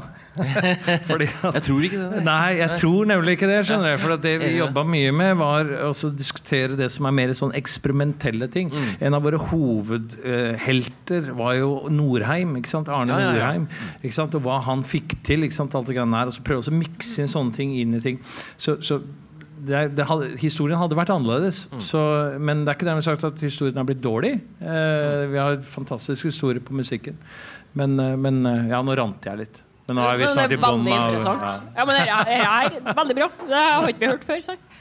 Eh, er det noe mer da, eller? Ja, det er en Nei, til. ja, Der kommer det noen sprengende frem, ja. Det ble jo så vidt nevnt her eh, tidligere med en booking i Dubai. Og jeg lurer veldig på eh, hva er på en måte forskjellen på hvis du tenker på både publikum og hva du kan finne på å skrive på en rider for eksempel, da, i Dubai kontra i Norge, for eksempel, da, når det bookes ekstrem-metal-band, og hva kan være problematisk der som er helt Ja. innafor her, da? Um, jeg må nevne først Jeg har faktisk skrevet ridere for Mayhem. Um, og de måtte vi kutte ned på. Eh, det, det var ikke, altså, Det var. Jørn Subru. Uansett. Nei, du, det der med du var Det kom veldig overraskende over at de skulle ha en metallfestival i Dubai. Ikke mye gris der. Nei, nei. og det ble nevnt at det var jo første gang. Det kom til å være en, en todagers event. Eh, så selvfølgelig kasta jeg meg over det med en gang. Eh, og det var Deathhammer Jeg husker ikke om det også var Nekromantion. Var det det? Ja. Og så var det Pagan Alter, som jeg også jobba for da. Og den eh, rideren eh, Det var faktisk ikke jeg som sendte en rider. De måtte sende en til meg. Um, ikke pga. teknisk utstyr, men eh, med lover og regler. Om hva som var eh, greit og ikke greit, faktisk. Hvordan gikk det, Salsten? Du, Salsten. Det er, en, det er en annen ganske fet historie. Han er nå her i dag Eh, ennå, så Men, men, men for å forklare da hvordan, hvordan den stemninga var der eh, Midnight eh, spilte jo på eh, på programmet. Og de er jo kjent for å spille med solbriller på scenen, hele gjengen. Eh, og da ble konserten stoppa. Det var ikke Mas maska. Unnskyld! ja. Ja. Unnskyld, ser du. Sånn eh, Nemlig. Beklager. Jeg var jo der, herregud. Eh, nemlig. Og det fikk de absolutt ikke lov til å ha på seg. Men vi hadde jo to jenter da, eh, bakerst her. Med burka. Og metal-T-skjorter. Altså, det var jo veldig befriende å se det. Men eh, samtidig, de, de kunne ikke spille da med burka på scenen. Eh, så etter mye om og men, politi, og da var det jo selvfølgelig Du begynner ikke å kverulere eh, med arabisk eh, politi. Eh, Salsten hadde jo sine meninger, så vi gjemte han Dette er true story. Vi gjemte Daniel under et teppe ved siden av scenen, for han var så drita. Han fikk beskjed om å ikke titte opp før jeg kom og henta han. Uansett, så Sorry, jeg sporer av. Eh, men så kom vi til en enighet om at eh, da kunne Midnight spille med solbriller. Da. Og da sto to politimenn under resten av festivalen rett innafor. Så nei, det, det var jo ingen eh, Vi kunne jo ikke kreve absolutt noen, noen ting. Fi, jeg fikk en mail tilbake med rett og slett en liste over eh, lover og regler i Emiratene. Hm. Så De har lover for raidere. du, det var, altså, det var religiøse lover, hva vi kunne ja. gå med. Og, og alkohol var jo egentlig ikke lov, bortsett fra visse hoteller. Og vi hadde jo fått eh, Hva heter det? Altså permisjon for å ha alkohol den eh, kvelden. Og det måtte søkes på og sånt. Ja, ja, ja. Men til den skiva vi snakker om nå, så er jo den første låta handler jo om en sånn kristen sekt som lever veldig asketisk og har liksom så disse, denne, disse reglene. Ja. Eh, og jeg, jeg digger jo den. da. Jeg digger den låta hvor han går til angrep på disse folka som, som, som har sånn ja, ja, ja. Og det, altså, jeg vet ikke om dere kjenner til det, men det er en, det er en sekt, altså en, en kristen bevegelse. Hvis dere har lest uh, Game of Thrones, så har dere sikkert fått med den der religiøse, sånn asketiske greiene. Og Martin han er jo kjent for også å bruke historien. Så han har også latt seg inspirere av den samme gjengen som Dark Throne. Da, ikke sant? Med disse her folka som er sånne helt sånn er Ytterste fattigdom skal du leve i, og alle mulige slags regler osv. Så, videre. så Litt sånn veganere. Så Egentlig burde sortmetall like sånne raider-regler nede i Dubai. Ja, Ta bort veldig- eh, gardinene fra vinduene. Det er veldig mørkt. Ja. Det, det skal være litt mørkt, og så skal det være veldig veldig trist. distrikt, Ja, ja. eh, firkanta Ja, ja. opplegg. Skal det. Skal det. Er, det noe, er det noe mer da, eller? Ja da, det er mer Og det er, herlighet, det er, tar jo helt av, det. Hallo? Er det Jonas fra Nes kommune? Det er meg. Det er meg. Det er meg. Du hører jo uh, Blaze in Northern Sky er så innflytelsesrik. Men eh, altså, det er jo Transylvania Hunger og spesielt Under Funeral Moon som er de ordentlige innflytelsesrike skivene på black metal som har kommet. Og, for det er jo veldig mye Celtic Frost i ja. Blaze. Så det er jo på en måte de to skivene som kommer etterpå, som er de virkelige bautaene. ok, Hvis du kan- snakker om uh, band som kopierer Darkthrone. Ja, og, og burde egentlig Death Crush få mer oppmerksomhet. Fordi den er eh, den absolutt første ekstremmetal-skiva fra Norge. Det, ja. Kan ikke, siden det siste kom, så skal kanskje ikke jeg være første til å svare. Det er jo en EP, da. Nei, jeg vil bare si at jeg er helt enig med deg, fordi eh, altså, Når man tenker sånn. Når man hører på den skiva, og når man spesielt hører på uh, the um, commentary-versjonen av plata, så er det veldig mye bare oh, Listen to the Celtic Frost riff and bla, bla, bla, bla, bla. Så det, det, er, det er jo egentlig Celtic Frost, bare skrudd opp et par hakk. Men den gangen det var jo, i hvert fall Jeg hadde ikke hørt om uh, Celtic Frost eller Hellhammer den gangen. Hadde, min inngang til uh, Celtic Frost var jo Obituary. Hmm. Som gjorde en uh, Men, men jeg kan utdype der. Altså, for jeg snakka litt med Tom i Celtic Frost, Celtic Frost om det. Og han er jo stoked av hvor innflytelsesrike de har vært på, på den norske utviklingen. Så eh, og rest assured, han er veldig selvbevisst om sin rolle og hvor viktig de og Hellhammer var. Men, men hele poenget er at de er imponert og har latt seg inspirere av Dark Throne og Mayhem og slikt den andre veien igjen. slik at dette går begge veier. Og det er tilbake til det spørsmålet som var tidligere. Ikke sant? Om Mayhem ble inspirert av Dark Throne? Selvfølgelig. Dette går jo begge veier. Så, så, så, så selv det hovedbandet, altså Hellhammer, er vel egentlig det viktigste. Altså selv om Jeg jeg skjønner at alle snakker. Celtic Frost, og det, det, det er ikke noe tvil om at Celtic det var jo kred å like Hellhammer, da. Ja, ja, det ga Men det var Celtic Frost var litt sånn allerede der ute. Så det at du faktisk også digga Hellhammer, Ja, det, var- det var litt sånn ja. ekstrapoeng, Ja, føler jeg at det var da. Men hvis vi skal ta spørsmålsstillingen som er knytta til liksom, hvilke skiver og hvilken, så, så er det klart at det, det du må huske på, det er når den blir gitt ut. Det er før disse andre skivene du snakker om.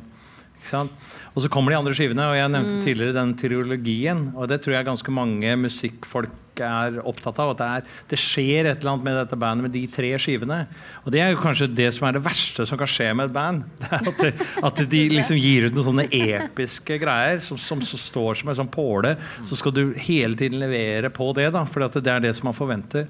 Og det er ekstremt vanskelig, for det er ikke, det er ikke sånn det blir til. Det blir til delvis av, av at du er i den situasjonen du er, og delvis av litt sånn tilfeldigheter eh, som gjør at det blir som det blir. da.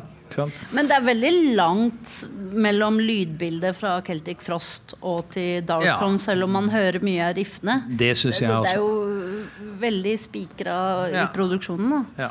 Og til kommentaren din om Death Crush, så tenker jeg at det er, for det første er en EP. Det er ikke en fullengde. Så, så hvis vi skal være liksom nerdete, så kan vi si at det, ok, det er greit. Uh, men, men, uh, men jeg vet ikke. Altså, Death Crush som skive var jo bare den, den, Det var jo liksom Vi måtte jo gi ut noe, ikke sant? Altså, og vi brukte alle pengene våre. Jeg mener å huske at det ikke var våre engang, det var Jørns.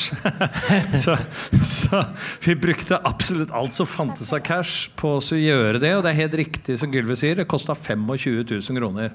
Det må være jævla mye penger. Det har vært mye penger på den det var Sinnssykt mye penger. helt sinnssykt mye penger. Og det, Jørn minner meg på det ennå. Så, det som er, det som er Skylder du penger, Kjetil? Nei, det, nei, Jørn og jeg har kjent hverandre lenge. Og han er gjerrig, ved det ikke jeg. Og, ja, men, sånn. men, men, men Nei, nei. Vi, vi, eh, vi brukte absolutt alt det vi hadde for å gjøre den skiva der. For å kulminere det som vi var på det stadiet vi var da. Ok, Så kommer Så jeg trodde ikke, og det har jeg sagt flere ganger, jeg trodde ikke at det bandet der som var i Vi snakker det absolutte kaos. Altså, når Torben er inne og, og spiller tromme på en øving, så er det ikke fordi Torben er blitt medlem av Mayhem. Det så- det, snakk med Torben, da. Altså, dette, her, altså, dette er bare sånn mens det foregår. At det skulle skje noe mer med det bandet etterpå, det er helt utenkelig på det tidspunktet hvor jeg forlater bandet. Og, og den er velkjent. Hele historien er velkjent, sikkert hos alle dere. Og så klarer de å reise kjerringa med å levere. ikke sant? Og det har jo noe med masse ting som foregår. Snorres inntreden, ikke minst. Altså Vi skal ikke glemme hans betydning for, for sortmetallen. Eh, hvordan eh, han og Øystein finner tonen, hvordan dette her bygger seg opp. og Når jeg hører Mysterious, så gjenkjenner jeg masse greier som foregikk. ikke sant? Altså Jeg kan plukke litt her og plukke litt der. Det kan Jørn også gjøre. ikke sant? Altså dette er, Men det er en utvikling som foregår. da.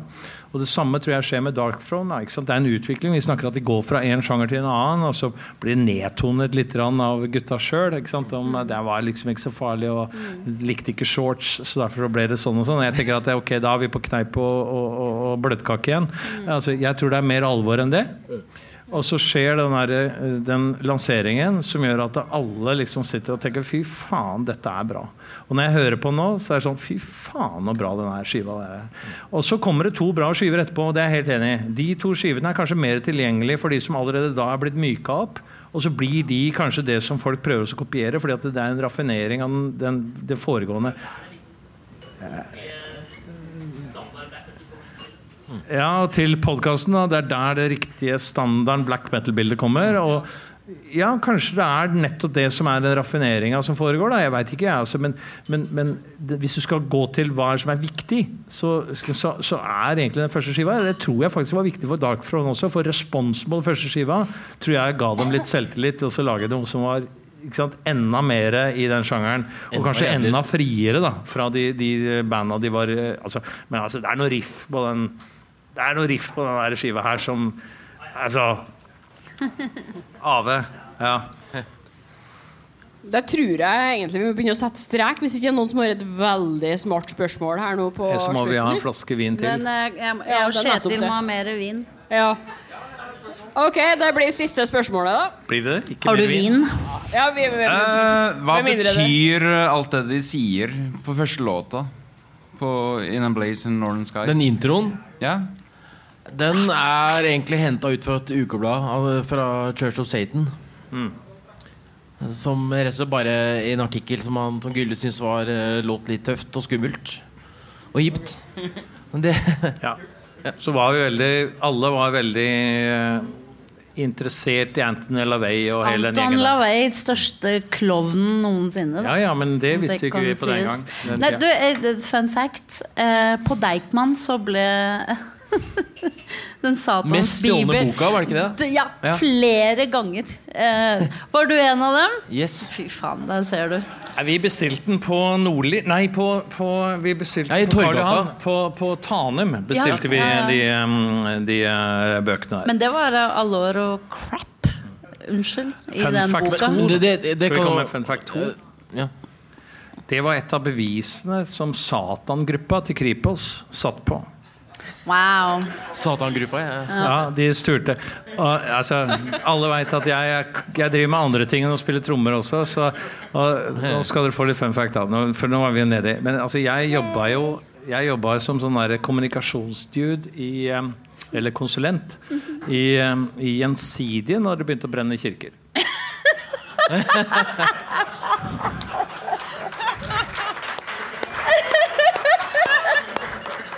Kan dere gjette hvem som forsikrer alle kirkene i Norge? Oh my god. Ja, dette er, dette er sant. Og så sitter jeg altså Grunnen til at jeg var der, da, det var tilfeldig. For jeg var drittlei skolen, og så var jeg egentlig på et ganske mørkt sted i livet. Eh, og så tenkte jeg at jeg må gjøre et eller annet. Så, og så er det noen steder, da, så var det en eh, som sa at ja, men hvis du går i finans, de er sånn der, eh, da får du lønn. Og så kan du få utdanning. Så gjorde jeg det. Så det var, det var greit. Men nok om det. Jeg sitter da Smart. og så ringer konsernadvokaten. Det er ikke kødd, dette er sant. Nå har dere for, så, dette tror jeg ikke har fortalt før heller.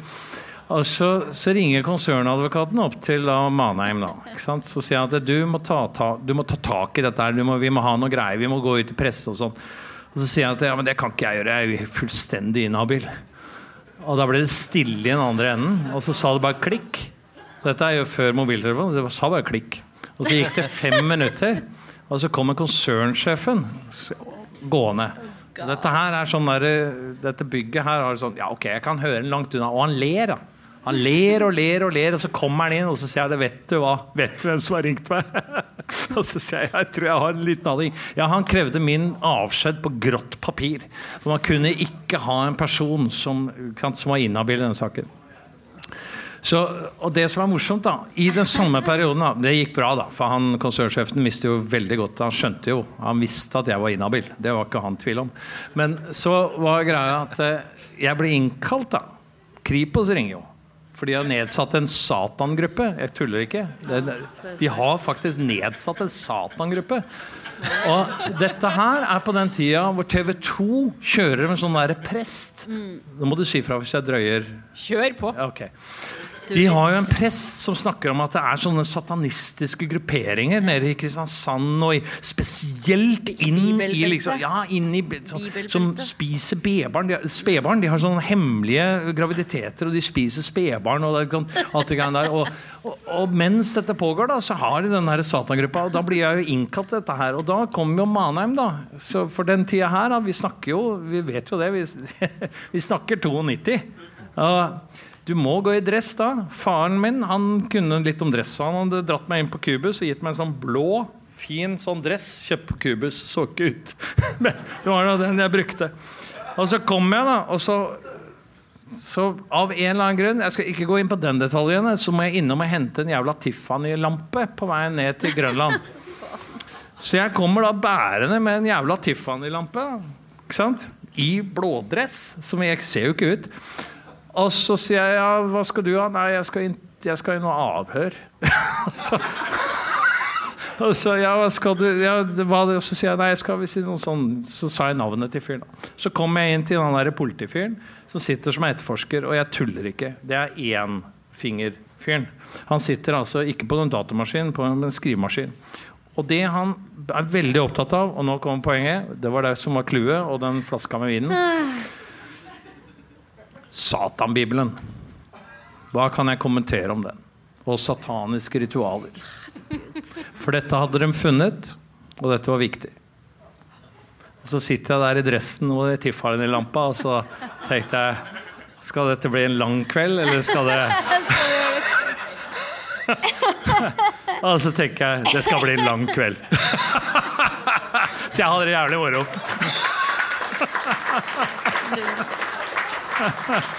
Hvis ikke det begynner å nærme seg bra avrunding, så vet ikke jeg, altså. Eh, nei, jeg tror faktisk vi setter strek der, for det blir for bra. Eh, Vi klarer ikke å toppe det.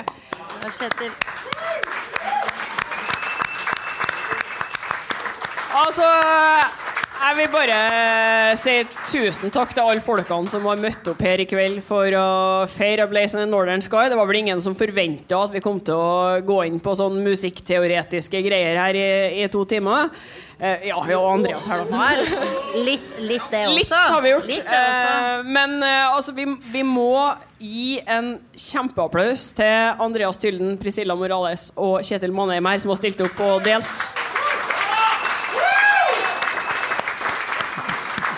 Jeg, jeg heter ikke Morales. da. Nei, nei, men du må uttale det Nei, det gjør ikke du lenger, nei. Du Nei, heter jo ikke Morales nei. lenger, du. Du heter jo Jan Falk. Vet du, Sånn er det. Vi ble, vi ble kjent før vi ble gift, så jeg vant til Morales. Men det er Morales Falk. Jan Falk funker for meg. men, er- Men takk. Ja. Uansett, tross den enorme Løp han inn på do nå? Ja, han stakk. Så, sånn er det når man må, så må man. Vi er tomme for vin, Eh, vi har eh, forhåpentligvis gjort opptak av eh, dette her. Så hvis det var noen som ikke fikk med seg alt, så uh, skal jeg legge det ut som en Jernverket podkast-episode etter uh, hvert. Så ja, da får vi høre dommen. Tusen takk, folkens. Takk for i kveld. Eh, Nachspiel på Kniven, men fortsatt fest her et par timer før eh, det blir noe spilling på Kniven. Og nå skal vi jo høre skiva òg. For dem som har glemt hvordan det her høres ut. Yes. Shadow of the Horns. Ja. Kom med. Ja. Jeg, jeg blir med Tylden.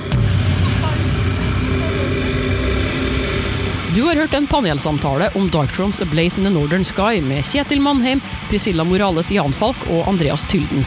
Innspilt på Blå 26.2.2022. Likte du det, kan du høre liveshowene med Deathhammer og First, Grave Miasma og Vulture, Asbjørn Slettemark eller Dimmu Borger, f.eks. Jeg har ikke planlagt noe konkret ennå, men det kommer flere livepodkaster og en og annen spesialepisode innimellom. Og Jernverket fyller jo ti år til høsten, så noe må vi jo finne på. Det lønner seg med andre ord å fortsette å følge Jernverket på Instagram og Facebook, så får du det med deg om det skulle skje noe. Og gjør ikke du det allerede, abonner på Jernverket podkast via podkastapp, eller gå inn på jernverket.kom. Om du vil bidra med noen kroner til fortsettelser, kan du gi støtte via Patrion eller Vips. Info ligger i episodebeskrivelser. Jeg heter Helle Steinkløv, og jeg håper vi høres igjen.